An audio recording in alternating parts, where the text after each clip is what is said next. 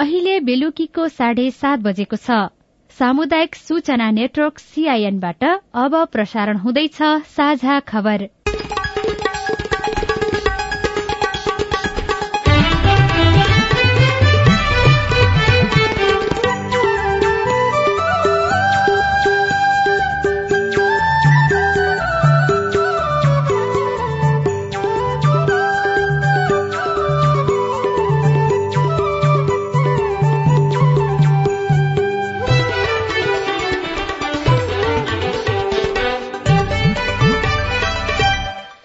सीआईएनको साझा खबरबाट सोभिता रिसालको नमस्कार। साझा खबर देशभरिका सामुदायिक रेडियो सीआईएन खबर डट कम र मोबाइल एप सीआईएनमा पनि सुन्न सकिन्छ।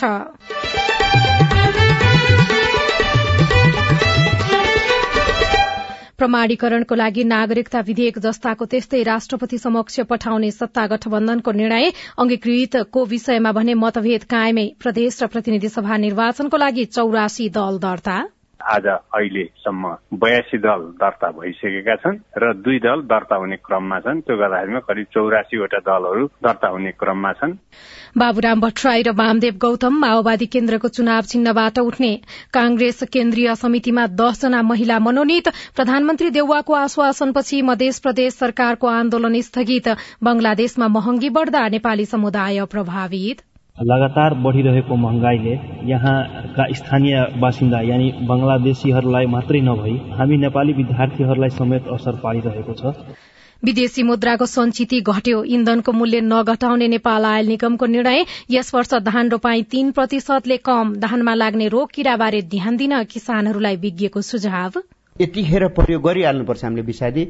किनभने त्यो मरेको गाँजको ठाउँमा नयाँ गाँज आएर त्यसले उत्पादन दिनु पर्यो। र रूसी नागरिकलाई दिने भिसामा कड़ाई गर्ने फिनल्याण्डको निर्णय महिला साफ च्याम्पियनशीप फुटबल प्रतियोगिताका लागि विभिन्न उपसमिति गठन।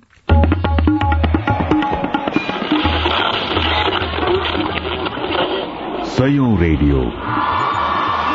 हजारौं रेडियो कर्मी र करोड़ौं नेपालीको माझमा यो हो सामुदायिक सूचना नेटवर्क सीआईएन पछिल्लो एक वर्षमा देशमा पेट्रोलियम पदार्थदेखि खाद्यान्न लत्ता कपड़ा र औषधिसम्मको मूल्य बढ़ेको छ शिक्षा र स्वास्थ्य महँगी रहेको छ। तर गत वर्षको तुलनामा नागरिकको आमदानी बढ़ेको छैन कोरोना लगायत कारण बरू घटेको छ। सानो पसल व्यवसाय गर्ने दैनिक ज्यालादारीमा काम गर्ने र निजी क्षेत्रमा काम गर्नेहरूको कमाई स्थिर छ जसका कारण आम नेपालीलाई भान्सा चलाउनै मुस्किल परेको छ। नेपालको आर्थिक सामाजिक र मनोवैज्ञानिक क्षेत्रमा समेत यसको असर देखिने चिन्ता बढ़दै गएको छ। अब खबर सजना तिमल एक वर्षको अवधिमा विदेशी मुद्राको सञ्चिति दुई अर्ब एक्काइस करोड़ डलरले घटेको छ। दुई हजार अठहत्तर असार मशान्तमा एघार अर्ब पचहत्तर करोड़ डलर रहेकामा उनासी असार मशान्तमा अठार दशमलव नौ प्रतिशतले घटेर नौ अर्ब चौवन्न करोड़ कायम भएको नेपाल राष्ट्र बैंकले जनाएको छ। नेपाल राष्ट्र बैंकका प्रवक्ता डाक्टर गुणाकर भट्टले सीआईएनसँग कुरा गर्दै यसले शोधनान्तर घाटामा प्रतिविम्बित गरेको बताउनुभयो। गत आर्थिक वर्ष? विशेष गरिकन विदेशी विनिमय सञ्चितमा शोधनान्तर स्थितिमा चालु खातामा ठूलो दबाव रह्यो। विदेशी विनिमय सञ्चिति उल्लेख्य हिसाबबाट घटेको देखिन्छ। त्यो चाहिँ हाम्रो शोधनान्तर घाटामा प्रतिबिम्बित भएको छ। त्यसै गरिकन मुद्रास्फीतिको दबाव बढेको अवस्था छ। औसतमा मुद्रास्फीति गत वर्ष चार प्रतिशत भन्दा तल रहेको अवस्था थियो भने अहिले औसतमा मुद्रास्फीति छ दशमलव तीन दुई प्रतिशत रहेको छ। वार्षिक बिन्दुगत मुद्रास्फीति भन्दा भन्छौँ असार महिनामा। यसको तुलनामा के मुद्रास्फीतिमा कमी हो? तर त्यो पनि असारमा अरू महिनाहरूको तुलना गर्दा मुद्रास्फीतिको चाप पनि छ मूल्य वृद्धिको चाप छ। दुई हजार अठहत्तर असार मशान्तमा तेह्र खर्ब उनान्सय अर्ब तीन करोड़ रहेको कुल विदेशी विनिमय सञ्चिति दुई हजार उना अस्सी असारमा तेह्र दशमलव एक प्रतिशतले घटेर बाह्र खर्ब पन्ध्र अर्ब अस्सी करोड़ कायम भएको पनि उहाँले जानकारी दिनुभयो। सत्तारूढ़ गठबन्धनले नागरिकता विधेयक प्रमाणीकरणका लागि जस्ताको त्यस्तै फेरि राष्ट्रपति समक्ष पठाउने निर्णय गरेको छ। आज प्रधानमन्त्री शेरबहादुर देउवा सहित बसेको सत्तारूढ़ गठबन्धनका शीर्ष नेताको बैठकले संसदबाट आवश्यक प्रक्रिया पूरा गरी विधेयकलाई फेरि राष्ट्रपति समक्ष प्रमाणीकरणका लागि पठाउने निर्णय गरेको हो। संचार तथा सूचना मन्त्री संचार तथा सूचना प्रविधि मन्त्री ज्ञानेन्द्र बहादुर कार्कीले बैठकपछि दिएको जानकारी अनुसार संसदले राष्ट्रपतिबाट फिर्ता भएको विधेयक पुनर्विचार गरी फेरि प्रमाणीकरणका लागि पठाउने निर्णय भएको हो। राष्ट्रपतिज्यूलाई रहेको संवैधानिक अधिकार बमोजिम नेपाल नागरिकता ऐन दुई हजार त्रिसठीलाई संशोधन गर्न बनेको विधेयक फिर्ता आएकोमा संविधान बमोजिम संसदले पुनः विचार गरी प्रमाणीकरणका लागि पुनः पठाएमा प्रमाणीकरण गर्नै पर्ने संवैधानिक व्यवस्था भए बमोजिम फिर्ता आएको उक्त विधेयकलाई संसदमा तत्काल प्रक्रिया अगाडि बढाउने सहमति भएको छ। संविधानले राष्ट्रपतिलाई एक पटकका लागि त्यसरी विधेयक फिर्ता पठाउन सक्ने अधिकार दिएको छ। तर संसदले सोही विधेयकलाई पुनर्विचार गरी प्रमाणीकरणका लागि पठाएमा राष्ट्रपतिले फेरि फिर्ता पठाउन मिल्दैन। अंगीकृत नागरिकता वितरणको विषयमा दलहरू बीचमा मतभेद रहेको छ भने विवाह गरेर आउने महिला र पुरूषका हकमा विभेद गरिएको भन्दै विरोध पनि भइरहेको छ। महाअभियोग सिफारिश समितिको बैठक भोलिका लागि बोलाइएको छ। महाअभियोग सिफारिश समितिका सचिव लक्ष्मी प्रसाद गौतमका अनुसार महाअभियोग सिफारिश समितिको बैठक भोलि बिहान साढे एघार बजे सिंहदरबारमा बस्नेछ। महाअभियोग सिफारिश समितिमा निलम्बित प्रधान न्यायाधीश चोलेन्द्र शमशेर जबरा विरूद्धको महाअभियोगमाथि अध्ययन गर्ने जिम्मेवारी छ। जिम्मेवारी पाएको दशौं दिनमा समितिको बैठक बस्न लागेको हो। संघ र प्रदेशको चुनावको लागि चौरासीवटा दलले निर्वाचन आयोगमा दल दर्ताको लागि निवेदन दिएका छन्। आयोगले दल दर्ताको लागि आजसम्मको समय तोकेको थियो।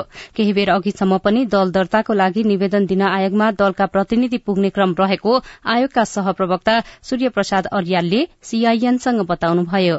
आज अहिलेसम्म बयासी दल दर्ता भइसकेका छन् र दुई दल दर्ता हुने क्रममा छन्। त्यो गर्दाखेरिमा करिब चौरासीवटा दलहरू दर्ता हुने क्रममा छन्।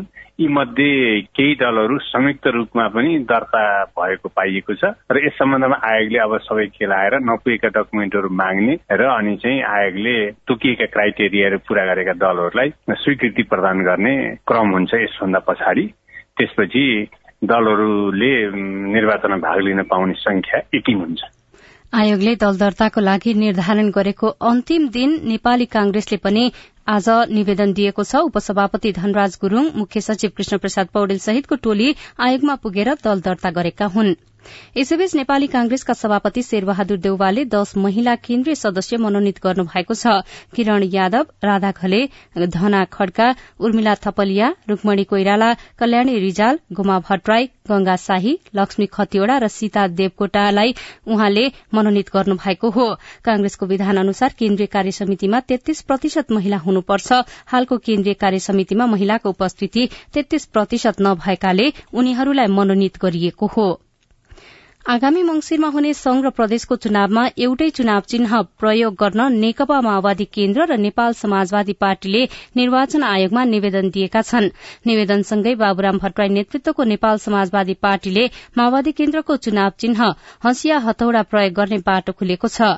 अब नेपाल समाजवादी पार्टीका उम्मेद्वारले माओवादीको चुनाव चिन्ह लिएर चुनावमा जानेछन्। यस्तै माओवादी केन्द्रले वामदेव गौतमको नेतृत्वको नेकपा एकता राष्ट्रिय अभियानलाई पनि चुनाव चिन्ह प्रयोग गर्न दिने निर्णय गरेको छ।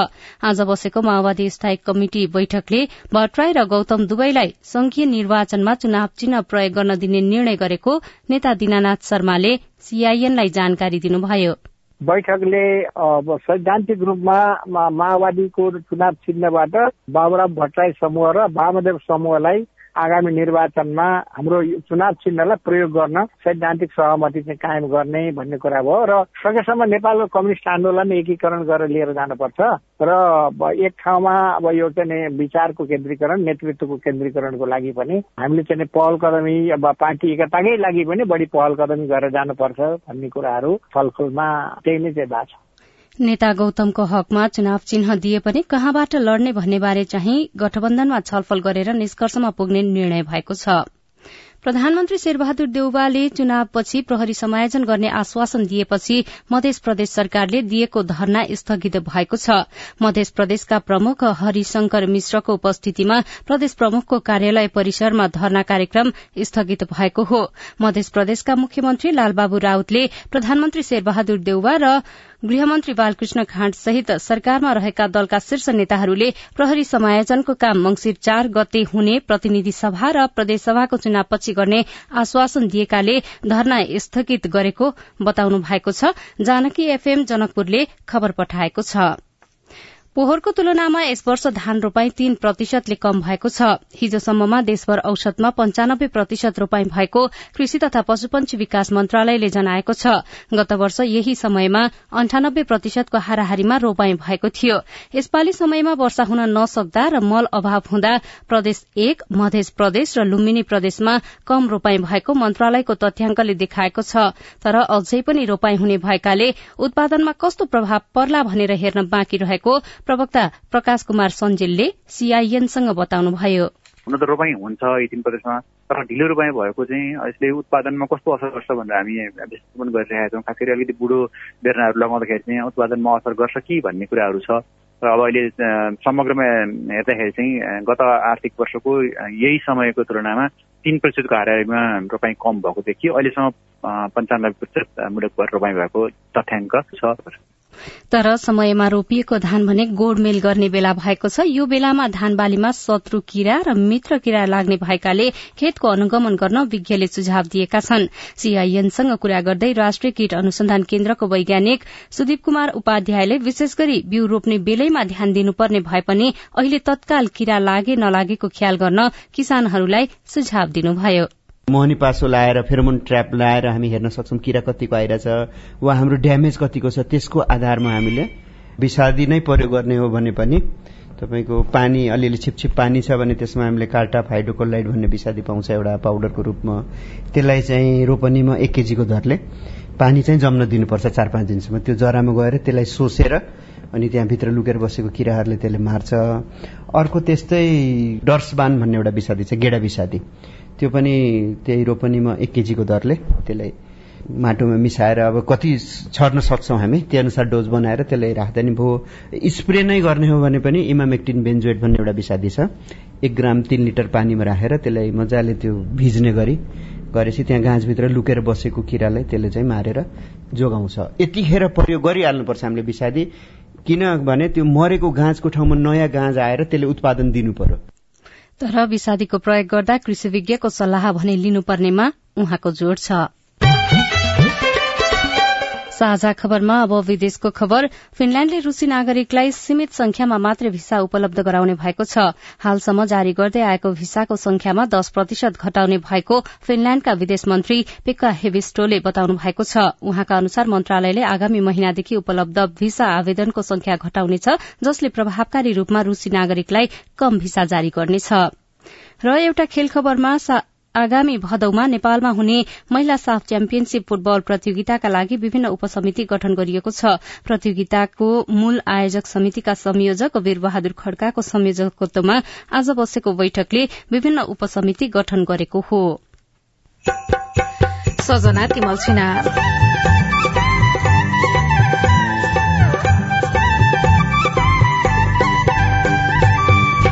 गाउँका स्वास्थ्य चौकीमा भिडियो एक्सरे सेवा नहुनुको पीड़ा? टाढा भएर होला। आर्थिकको कमी जाउ आऊ भाडाको कमी एक्सरे गराउँदा पैसा पनि लाग्छ त्यही भएर पनि। के हुन्छ र हामीले अब त्यस्तै जन्माया सल्यानका गर्भवती महिला भिडियो एक्सरे गर्नबाट वञ्चित रिपोर्ट। महँगीका कारण बंगलादेशमा बसेर पढ़िरहेका विद्यार्थीहरू समस्यामा लगायतका सामग्री बाँकी नै छन्। सीआईएनको साझा खबर सुन्दै गर्नुहोला।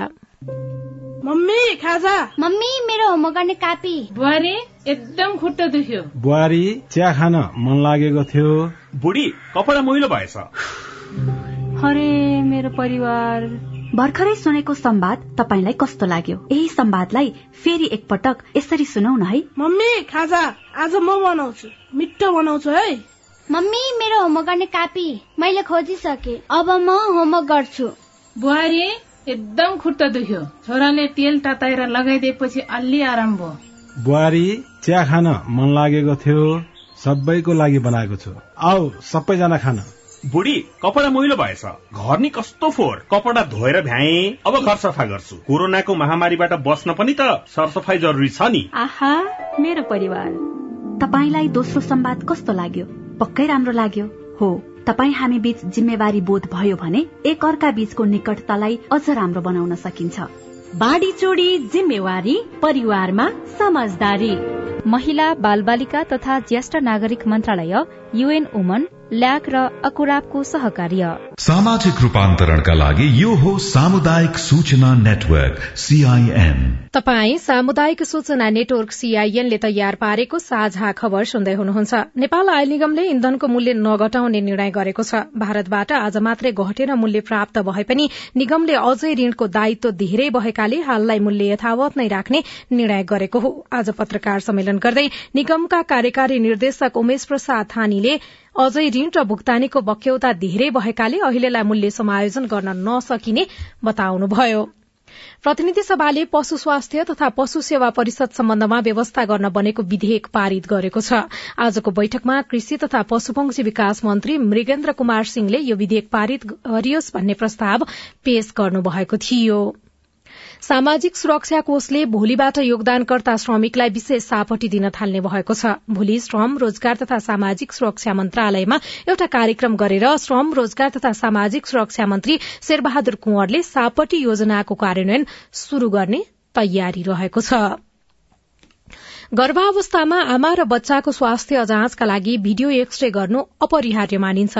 गर्भवती महिलाले तीन तीन महिनाको फरकमा कम्तीमा पनि चार पटक भिडियो एक्सरे गर्नु आवश्यक रहेको चिकित्सकहरू बताउँछन्। गर्भमा रहेको बच्चाको सम्पूर्ण स्वास्थ्य अवस्था थाहा पाउन भिडियो एक्सरे गर्नु आवश्यक छ तर सल्यानमा सञ्चालनमा रहेका सबै स्वास्थ्य संस्थामा भिडियो एक्सरे सेवा नभएका कारण गर्भवतीहरू अर्को जिल्लामा वा सदरमुकामसम्म पुग्नुपर्ने बाध्यतामा रहेका छनृ। दश स्थानीय तह रहेको सल्यानमा जिल्ला अस्पताल आधारभूत अस्पताल प्राथमिक स्वास्थ्य केन्द्र लगायतका गरी पञ्चानब्बे स्वास्थ्य संस्था छन्।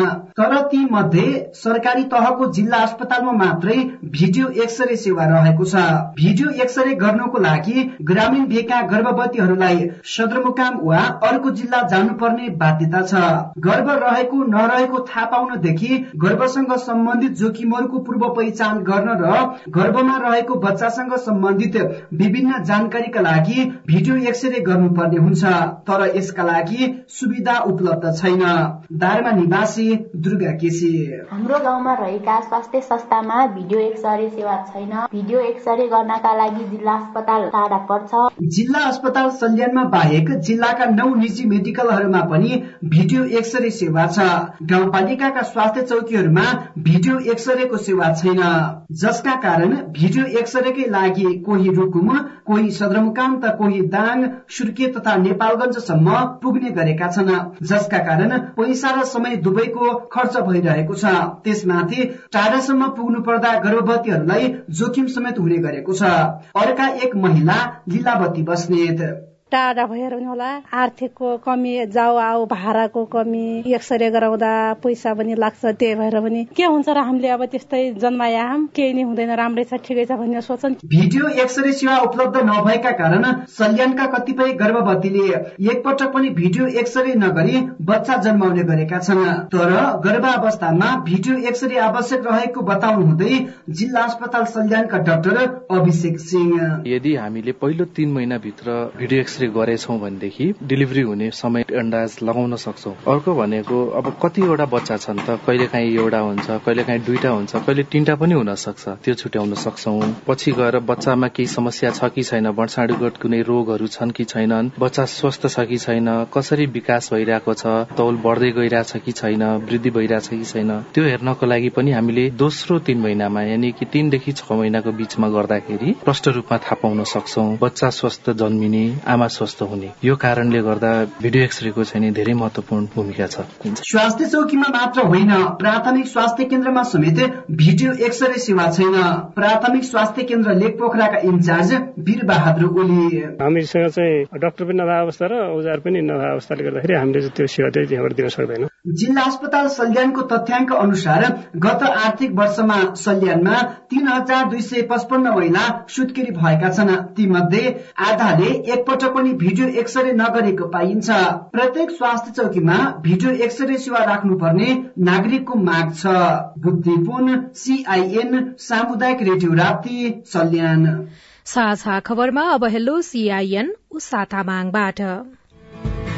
भगिन्द्र देउरीजी बोल्दैछु सुदूरपश्चिम प्रदेशमा अहिले अपाङ्ग अनि दृष्टिविहीन जस्ता बालबालिकाको लागि विशेष विद्यालय अथवा अपाङ्ग विद्यालय छ कि छैन छ भने कस्तो प्रकारको सरकारी हो कि निजी हो? तपाईँको जिज्ञासा सुनेपछि सुदूरपश्चिम प्रदेशका सामाजिक विकास मन्त्रालयका उपसचिव गणेश बहादुर सिंहको जवाब छ।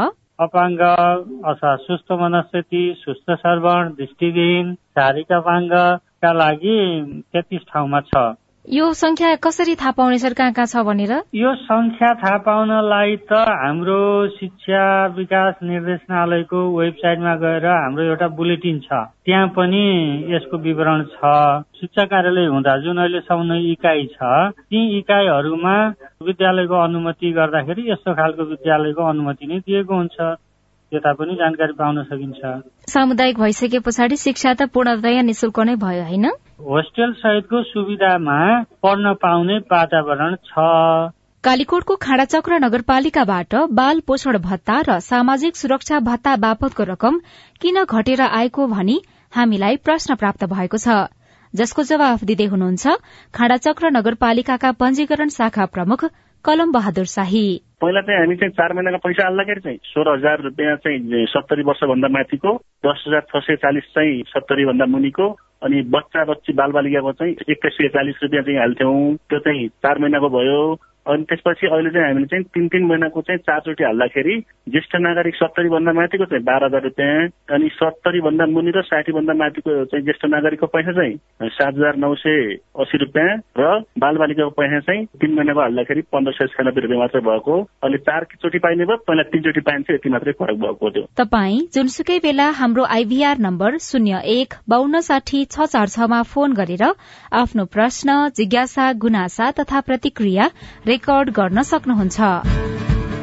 तपाई सामुदायिक सूचना नेटवर्क सीआईएनले काठमाण्डुमा तयार पारेको साझा खबर सुन्दै हुनुहुन्छ। बंगलादेशमा दुई महिनामा एक सय सत्र प्रतिशतले महँगी बढ़्यो। किताबहरू किन्न स्टडी मेटेरियलहरू किन्न त्योहरूको दाम बढ़िहालेको छ। पहिला जुन बस भाडा आठ सय थियो अहिले त्यही बस भाडा सोह्र सय लागिरहेको छ। तीन हजार बढ़ी नेपाली विद्यार्थी समस्यामा रिपोर्ट बंगलादेशमा रहेका नेपालीको अवस्था र आर्थिक रूपमा बलियो हुन सकिने उपाय। एकजना पूर्व राजदूतसँगको कुराकानी बाँकी नै छ। सीआईएनको साझा खबर सुन्दै गर्नुहोला। उठाउनु पर्ने आवाजहरू सदनमा उठाउनु भएको छ। तपाईँलाई धन्यवाद दिनुपर्ने हुन्छ। कानून निर्माणमा नागरिक सहभागिता सिद्धान्त र अभ्यास। पारित गरियोस् भन्ने प्रस्ताव दुई तिहाई बहुमत भन्दा बढ़ी मतबाट पारित भएको घोषणा गर्दछु। कानून कार्यान्वयनमा सांसद र संसदको जवाफदेहिता। र जिल्लाको र समग्र मुलुकका चाहिँ सवालहरूलाई संसदमा उठाउने सवालहरूमा म आफूले सशक्त ढंगले भूमिका खेले भन्ने लाग्छ। संसदीय प्रक्रियामा जनता र सरकारवाला निकायको नजर। युवाको क्षेत्रमा त्यति धेरै काम भएको छैन। युवालाई चाहिँ ओजरमै राखेर अहिले काम भइरहेको छ। युवाहरूलाई चाहिँ रोजगारीमा जोड्नुपर्छ भनेर अहिले केही कार्यक्रमहरू पनि सञ्चालन गरेका छौं। जनतादेखि नेतासम्म नीतिदेखि नेतृत्वसम्म युवा सीमान्तकृत वर्ग जाति अल्पसंख्यकका सवालहरू। जनताको कुरा राख्ने ठाउँ संसदै हो। हामी कार्यपालिका होइन व्यवस्थापिका हो नीति निर्माण गर्ने हो। अब सवाल मात्रै होइन जवाबसँगै देखिन्छ प्रभाव पनि। कार्यक्रम हेलो सांसद सीआईएन मार्फत मुलुकभरका सामुदायिक रेडियोमा हरेक बिहिबार बेलुकाको साझा खबरमा र भोलिपल्ट शुक्रबार बिहान साढे छ बजे कार्यक्रम हेलो सांसद सीआईएन को फेसबुक पेज र युट्युब च्यानलमा सांकेतिक भाषामा पनि हेर्न सक्नुहुनेछ। सामाजिक रूपान्तरणका लागि यो हो सामुदायिक सूचना नेटवर्क सीआईएन तपाई सामुदायिक सूचना नेटवर्क सीआईएनले काठमाण्डुमा तयार पारेको साझा खबर सुन्दै हुनुहुन्छ। बंगलादेशमा दुई महिनामा नै एक सय सत्र प्रतिशतले महँगी बढ़ेको छ। इन्धन खाद्यान्न लगायत सामग्रीको मूल्य हालसम्मकै उच्च बिन्दुमा पुगेको छ। अत्यावश्यक वस्तुको भाव बढ़दै गएपछि अध्ययनको सिलसिलामा बंगलादेश पुगेका नेपाली विद्यार्थीहरू समस्यामा छन्। धनुषाका सत्यम महासेठ छ वर्षदेखि बंगलादेशमा हुनुहुन्छ। चिकित्सा शिक्षा अध्ययनका लागि जानुभएका उहाँलाई अहिले बढ़ेको महँगीले पठन पाठनका लागि आउन जानै धौधौ भएको छ। किताबहरू किन्न स्टडी मेटेरियलहरू किन्न त्योहरूको दाम बढिहालेको छ। ट्रान्सपोर्टेसनमा पनि अहिले बङ्गलादेशमा दस दिनमा डिजेल पेट्रोलमा थर्टी फाइभ टाका पर लिटर बढेको कारण पहिला जुन बस भाडा आठ सय थियो अहिले त्यही बस भाडा सोह्र सय लागिरहेको छ। नवलपरासीका शुभ नारायण यादव बी फर्मा अध्ययनका लागि बंगलादेश पुग्नु भएको तीन वर्ष भयो। तर शुरूका दिनमा राम्रै भए पनि अहिले महँगीले नराम्रो बनाइदियो। खाद्यान्न र इन्धनको मूल्य बढेपछि नेपाली विद्यार्थीहरू निकै मर्न परेको छ। जो बाहिरबाट अध्ययन गर्न आएको छ उनीहरूलाई निकै गाह्रो भइरहेको छ। सबै संगठन पैसा हुँदैन जसले गर्दाखेरि के गर्ने कसो गर्ने भन्ने खालको चिन्ताहरू झन्नै बढेको छ। सत्यम र शुभनारायण मात्रै होइन बंगलादेशको ढाका रंगपुर राजशाही लगायतका स्थानमा रहेका झण्डै तीन हजार नेपालीको समस्या उस्तै छ। विशेष गरी चिकित्सा शिक्षा इन्जिनियरिङ कृषि पशु विज्ञान लगायत विषयमा अध्ययन गर्न पुगेका नेपाली विद्यार्थीलाई बढ़दो महँगीले कसरी जीवन चलाउने भन्ने चिन्ता हुन थालेको छ। मेरो नाम सुदीप कुमार शर्मा हो। विगत केही महिनादेखि लगातार बढ़िरहेको महँगाईले यहाँका स्थानीय बासिन्दा यानि बंगलादेशीहरूलाई मात्रै नभई हामी नेपाली विद्यार्थीहरूलाई समेत असर पारिरहेको छ। बंगलादेशमा पेट्रोल प्रति लिटर एक सय पैंतिस टाका डिजल र मट्टी तेल एक सय चौध टाकामा बिक्री भइरहेको छ भने चामल प्रति किलो बयासी टाका पुगेको छ। मासु अण्डा तेल बिजुली ग्यास लगायतका सामग्रीको मूल्य पनि तीसदेखि सत्तरी प्रतिशतसम्म वृद्धि भएको छ। महँगीका कारण नेपाली विद्यार्थीलाई कलेज आउन जान खान अध्ययनका लागि चाहिने सामग्री खरिद गर्न मुस्किल हुन थालेको छ। बंगलादेश स्थित नेपाली राजदूतावास कार्यालयका सचिव रञ्जन यादव यस्तो समस्या आउँदाखेरि चाहिँ हामीले कलेजसँग नै कोअर्डिनेट गरेर कलेजले नै खाने बस्ने व्यवस्था बेसिक कुराहरू जुन हुन्छ त्यसलाई चाहिँ कलेजसँगै रिक्वेस्ट गरेर हामीले गरिदिने गरेका थियौँ र महँगीको केसमा चाहिँ अब हामीलाई कुनै अहिलेसम्म कुनै त्यस्तो कुनै रिक्वेस्ट आएको छैन स्टुडेन्टहरूबाट यदि त्यस्तो आयो भने हामीले त्यसरी म्यानेज गर्ने गरिएको छ दक्षिण एसियाली मुलुक मध्ये बंगलादेशको अर्थव्यवस्था सबैभन्दा तीव्र गतिमा अघि बढ़दै थियो तर कोरोना महामारी इन्धनको बढ़दो खपत बाढ़ीका कारण खेतीयोग्य जमीनमा क्षति निर्यातको दरमा कमीका कारण बंगलादेशको अर्थतन्त्र खस्किँदै गएको छ। यसैका कारण भएको महँगी र अभावमा नेपाली विद्यार्थी पनि परेका छन्। स्नेहा कर्ण सीआईएन काठमाडौँ। सन् दुई हजार चौध यता बंगलादेशसँग नेपाल व्यापार घाटामा छ। पछिल्लो पटक बढ़िरहेको व्यापार घाटा कम भएको छैन। अझ नेपालले बंगलादेशसँगको व्यापारलाई नाफामा लैजान प्रयत्न गरेको देखिँदैन। किन यस्तो भइरहेको छ? बंगलादेशका लागि पूर्व नेपाली राजदूत डाक्टर वंशीधर मिश्रसँग साथी राजन रुचालले कुराकानी गर्नुभएको छ। अन्य देशहरू जस्तै बंगलादेशबाट पनि सन् दुई हजार चौधदेखि लगातार व्यापार घाटामा छौं। त्यो पनि दिनानुदिन व्यापार घाटा बढ्दै गएको छ। यो एउटा अवस्था छ भने हाम्रो सम्भावनाहरू चाहिँ असाध्यै धेरै छ बङ्गलादेशसँग व्यापारको। बङ्गलादेश नेपालसँग पिटिए प्रिफरेन्सियल ट्रेड एग्रिमेन्ट गर्न इच्छुक छ। बार बार उनीहरूले कुरा उठाएको छ हामीले पनि सहमति जनाएका छौं तर त्यो हाम्रै पहल कदमीको कमीले त्यो सम्भव भइरहेका छैन। नेपालका नेताहरू जो चाहिँ अर्थ मन्त्रालय चलाएर बसेका छन् अथवा जो त्यो नीति निर्माण गर्ने तहमा छन् उनीहरू चाहिँ के कारणले चाहँदैनन् त? के छ त्यहाँनिर समस्या? मानसिक रोग भन्छु म यसलाई या मानसिक भए भारत रिसायो भने मेरो व्यक्तिगत वा मेरो पार्टीगत नोक्सान हुन्छ कि भन्ने त्यस कारणले भारतसँगलाई चिडाउनु हुँदैन। सबै कुरो भारतको यसो मुख हेऱ्यो अलिकति ठिकै छ ग्रिन सिग्नल छ भने गर्ने होइन भनेदेखि नगर्ने भन्ने जुन मानसिक दबाव छ नि उहाँहरूको त्यो कारक हो सबैभन्दा पहिलो व्यापारको सम्भावना भनेको बंगलादेशसँग विद्युत विद्युतको व्यापार नै हो। नेपालले विद्युतको व्यापार गरेर करोड़ौं रुपियाँ अरबौं रुपियाँ कमाउन सक्छ भने नेपाल किन खुट्टा कमाइराखेको छ त्यो विषयमा? यसमा पनि भारतले कतै चलखेल गर्ने सम्भावना? बङ्गलादेश नेपालबाट विद्युत किन्न चाहन्छ इच्छुक छ। प्रमुख कारण के हो भने बङ्गलादेश अहिले आजको मितिमा विद्युतमा सफिसियन्ट भए पनि ऊ सफिसियन्ट छ। पच्चिस हजार मेगावाट उसको क्षमता छ। त्यति अहिले निकालेको पनि छैन तर उसँग त्यो क्षमता छ। तर त्यो क्षमता भनेको कार्बन इमिसिङ इनर्जी हो। या कोल बर्न गरेर कोइला बालेर ग्यास बालेर गर्ने हो जो के हो भने ग्रिन इनर्जी होइन। जसको कारणले उनीहरूको त्यो ऊर्जाबाट उत्पादित जुन उनीहरूको second largest in the world जुन उनीहरूको गार्मेन्ट एक्सपोर्ट छ त्यो कहाँ छ? युरोपमा। अब युरोपियन युनियन युरोपले कुरा उठाउन थालिसक्यो। कि तपाईँले यसरी चाहिँ नि नेचरलाई बिगार्ने इनर्जीबाट उत्पादित गार्मेन्ट हामी नकिनिदिन सक्छौँ। सर्च फर द अल्टरनेटिभ यो अल्टरनेटिभको बारेमा उनीहरूले अब सोच्नु पर्यो। र सोच्दाखेरि भुटान उनले देखे भुटानबाट थोरै मात्रै आउन सक्छ सम्भावना कम। अब बाँकी रह्यो नेपाल। अरू त कसैले दिन सक्दैन। त्यसो भएको हुनाले त्यो सम्भावनाहरू छ र उनीहरू नेपालबाट एघार हजार मेगावाट किन्नका लागि निर्णय गरेर बसेका छन्। अब यहाँ प्राविधिक कारणले समस्या भइरहेछ। अहिलेकै स्थितिमा यदि नेपालले चाहना राख्यो भने र काम पनि गर्यो भने चाहना बमोजिम त्यो व्यापार घाटालाई घटाउन सकिने र व्यापार घाटा नभएर व्यापार नाफा बनाउन सकिने त्यो सम्भावना चाहिँ कति देखिन्छ? दुईटा काम गर्न साथै एक वर्षभित्र नेपाल चाहिँ नि व्यापार नाफामा आउन सक्छ। एउटा अघि तपाईँले भने जस्तै हाम्रो हाइड्रो पावरमा दोस्रो हाम्रो निर्यातलाई बढाउने कुरा। निर्यातमा अन्य निर्यातहरूमा अब यो गाह्रै छ। तत्कालै पिटिए गरेर हामीले गर्यौँ भने त्यो पनि पोसिबल छ जुन कि उनीहरू खोजिरहेछन्। हामीले ढुङ्गा महाभारत पर्वत श्रृङ्खलामा हो त्यो पहिरो जाने पहाडलाई मात्रै काटिदिउँ र हामी बङ्गलादेशलाई पठाइदिउँ। उनीहरू त्यहाँसम्म रेल बिसाउन तयार छ। म एउटा अर्को इन्ट्रेस्टिङ कुरा गरिदिउँ। हामी रेलसँग कनेक्टेड भइसकेका छौँ। हामीले ढुङ्गै बेच्यौँ भनेदेखि नि वर्षको कति जतिको ढुङ्गा बेच्छौँ होला बङ्गलादेशलाई? एक खरब। वर्षको वर्षको। हाम्रो सक्नु पर्यो। मिनिमम एक खरब त्योभन्दा बढी। किनभने बङ्गलादेशको अर्थतन्त्र धेरै एक्सप्यान्ड भइसकेको छ र उनीहरू अहिले द्रुत गतिले विकास जुन गरिरहेछ चमत्कारिक विकास त्यसमा त ढुङ्गाको अत्यन्त महत्व छ। प्रमाणीकरणको लागि नागरिकता विधेयक जस्ताको त्यस्तै राष्ट्रपति समक्ष पठाउने सत्ता गठबन्धनले निर्णय गरेको छ। अंगीकृतको विषयमा भने मतभेद कायमै रहेको छ। प्रदेश र प्रतिनिधि सभा निर्वाचनको लागि चौरासीवटा दल निर्वाचन आयोगमा दर्ता भएका छन्। बाबुराम भट्टराई र वामदेव गौतम माओवादी केन्द्रको चुनाव चिन्हबाट लड्ने भएका छन्। कांग्रेस केन्द्रीय समितिमा दसजना महिला मनोनित भएका छन्। प्रधानमन्त्री देउवाको आश्वासनपछि मध्य प्रदेश सरकारको आन्दोलन स्थगित भएको छ। हवस् आजलाई साझा खबरको समय सकियो। प्राविधिक साथी सुरेन्द्र सिंहलाई धन्यवाद। भोलि भदौ एक गते बिहान छ बजेको साझा खबरमा फेरि भेटौंला। अहिलेलाई सोभिता रिसाल पनि विदा हुन्छु। नमस्कार शुभरात्री।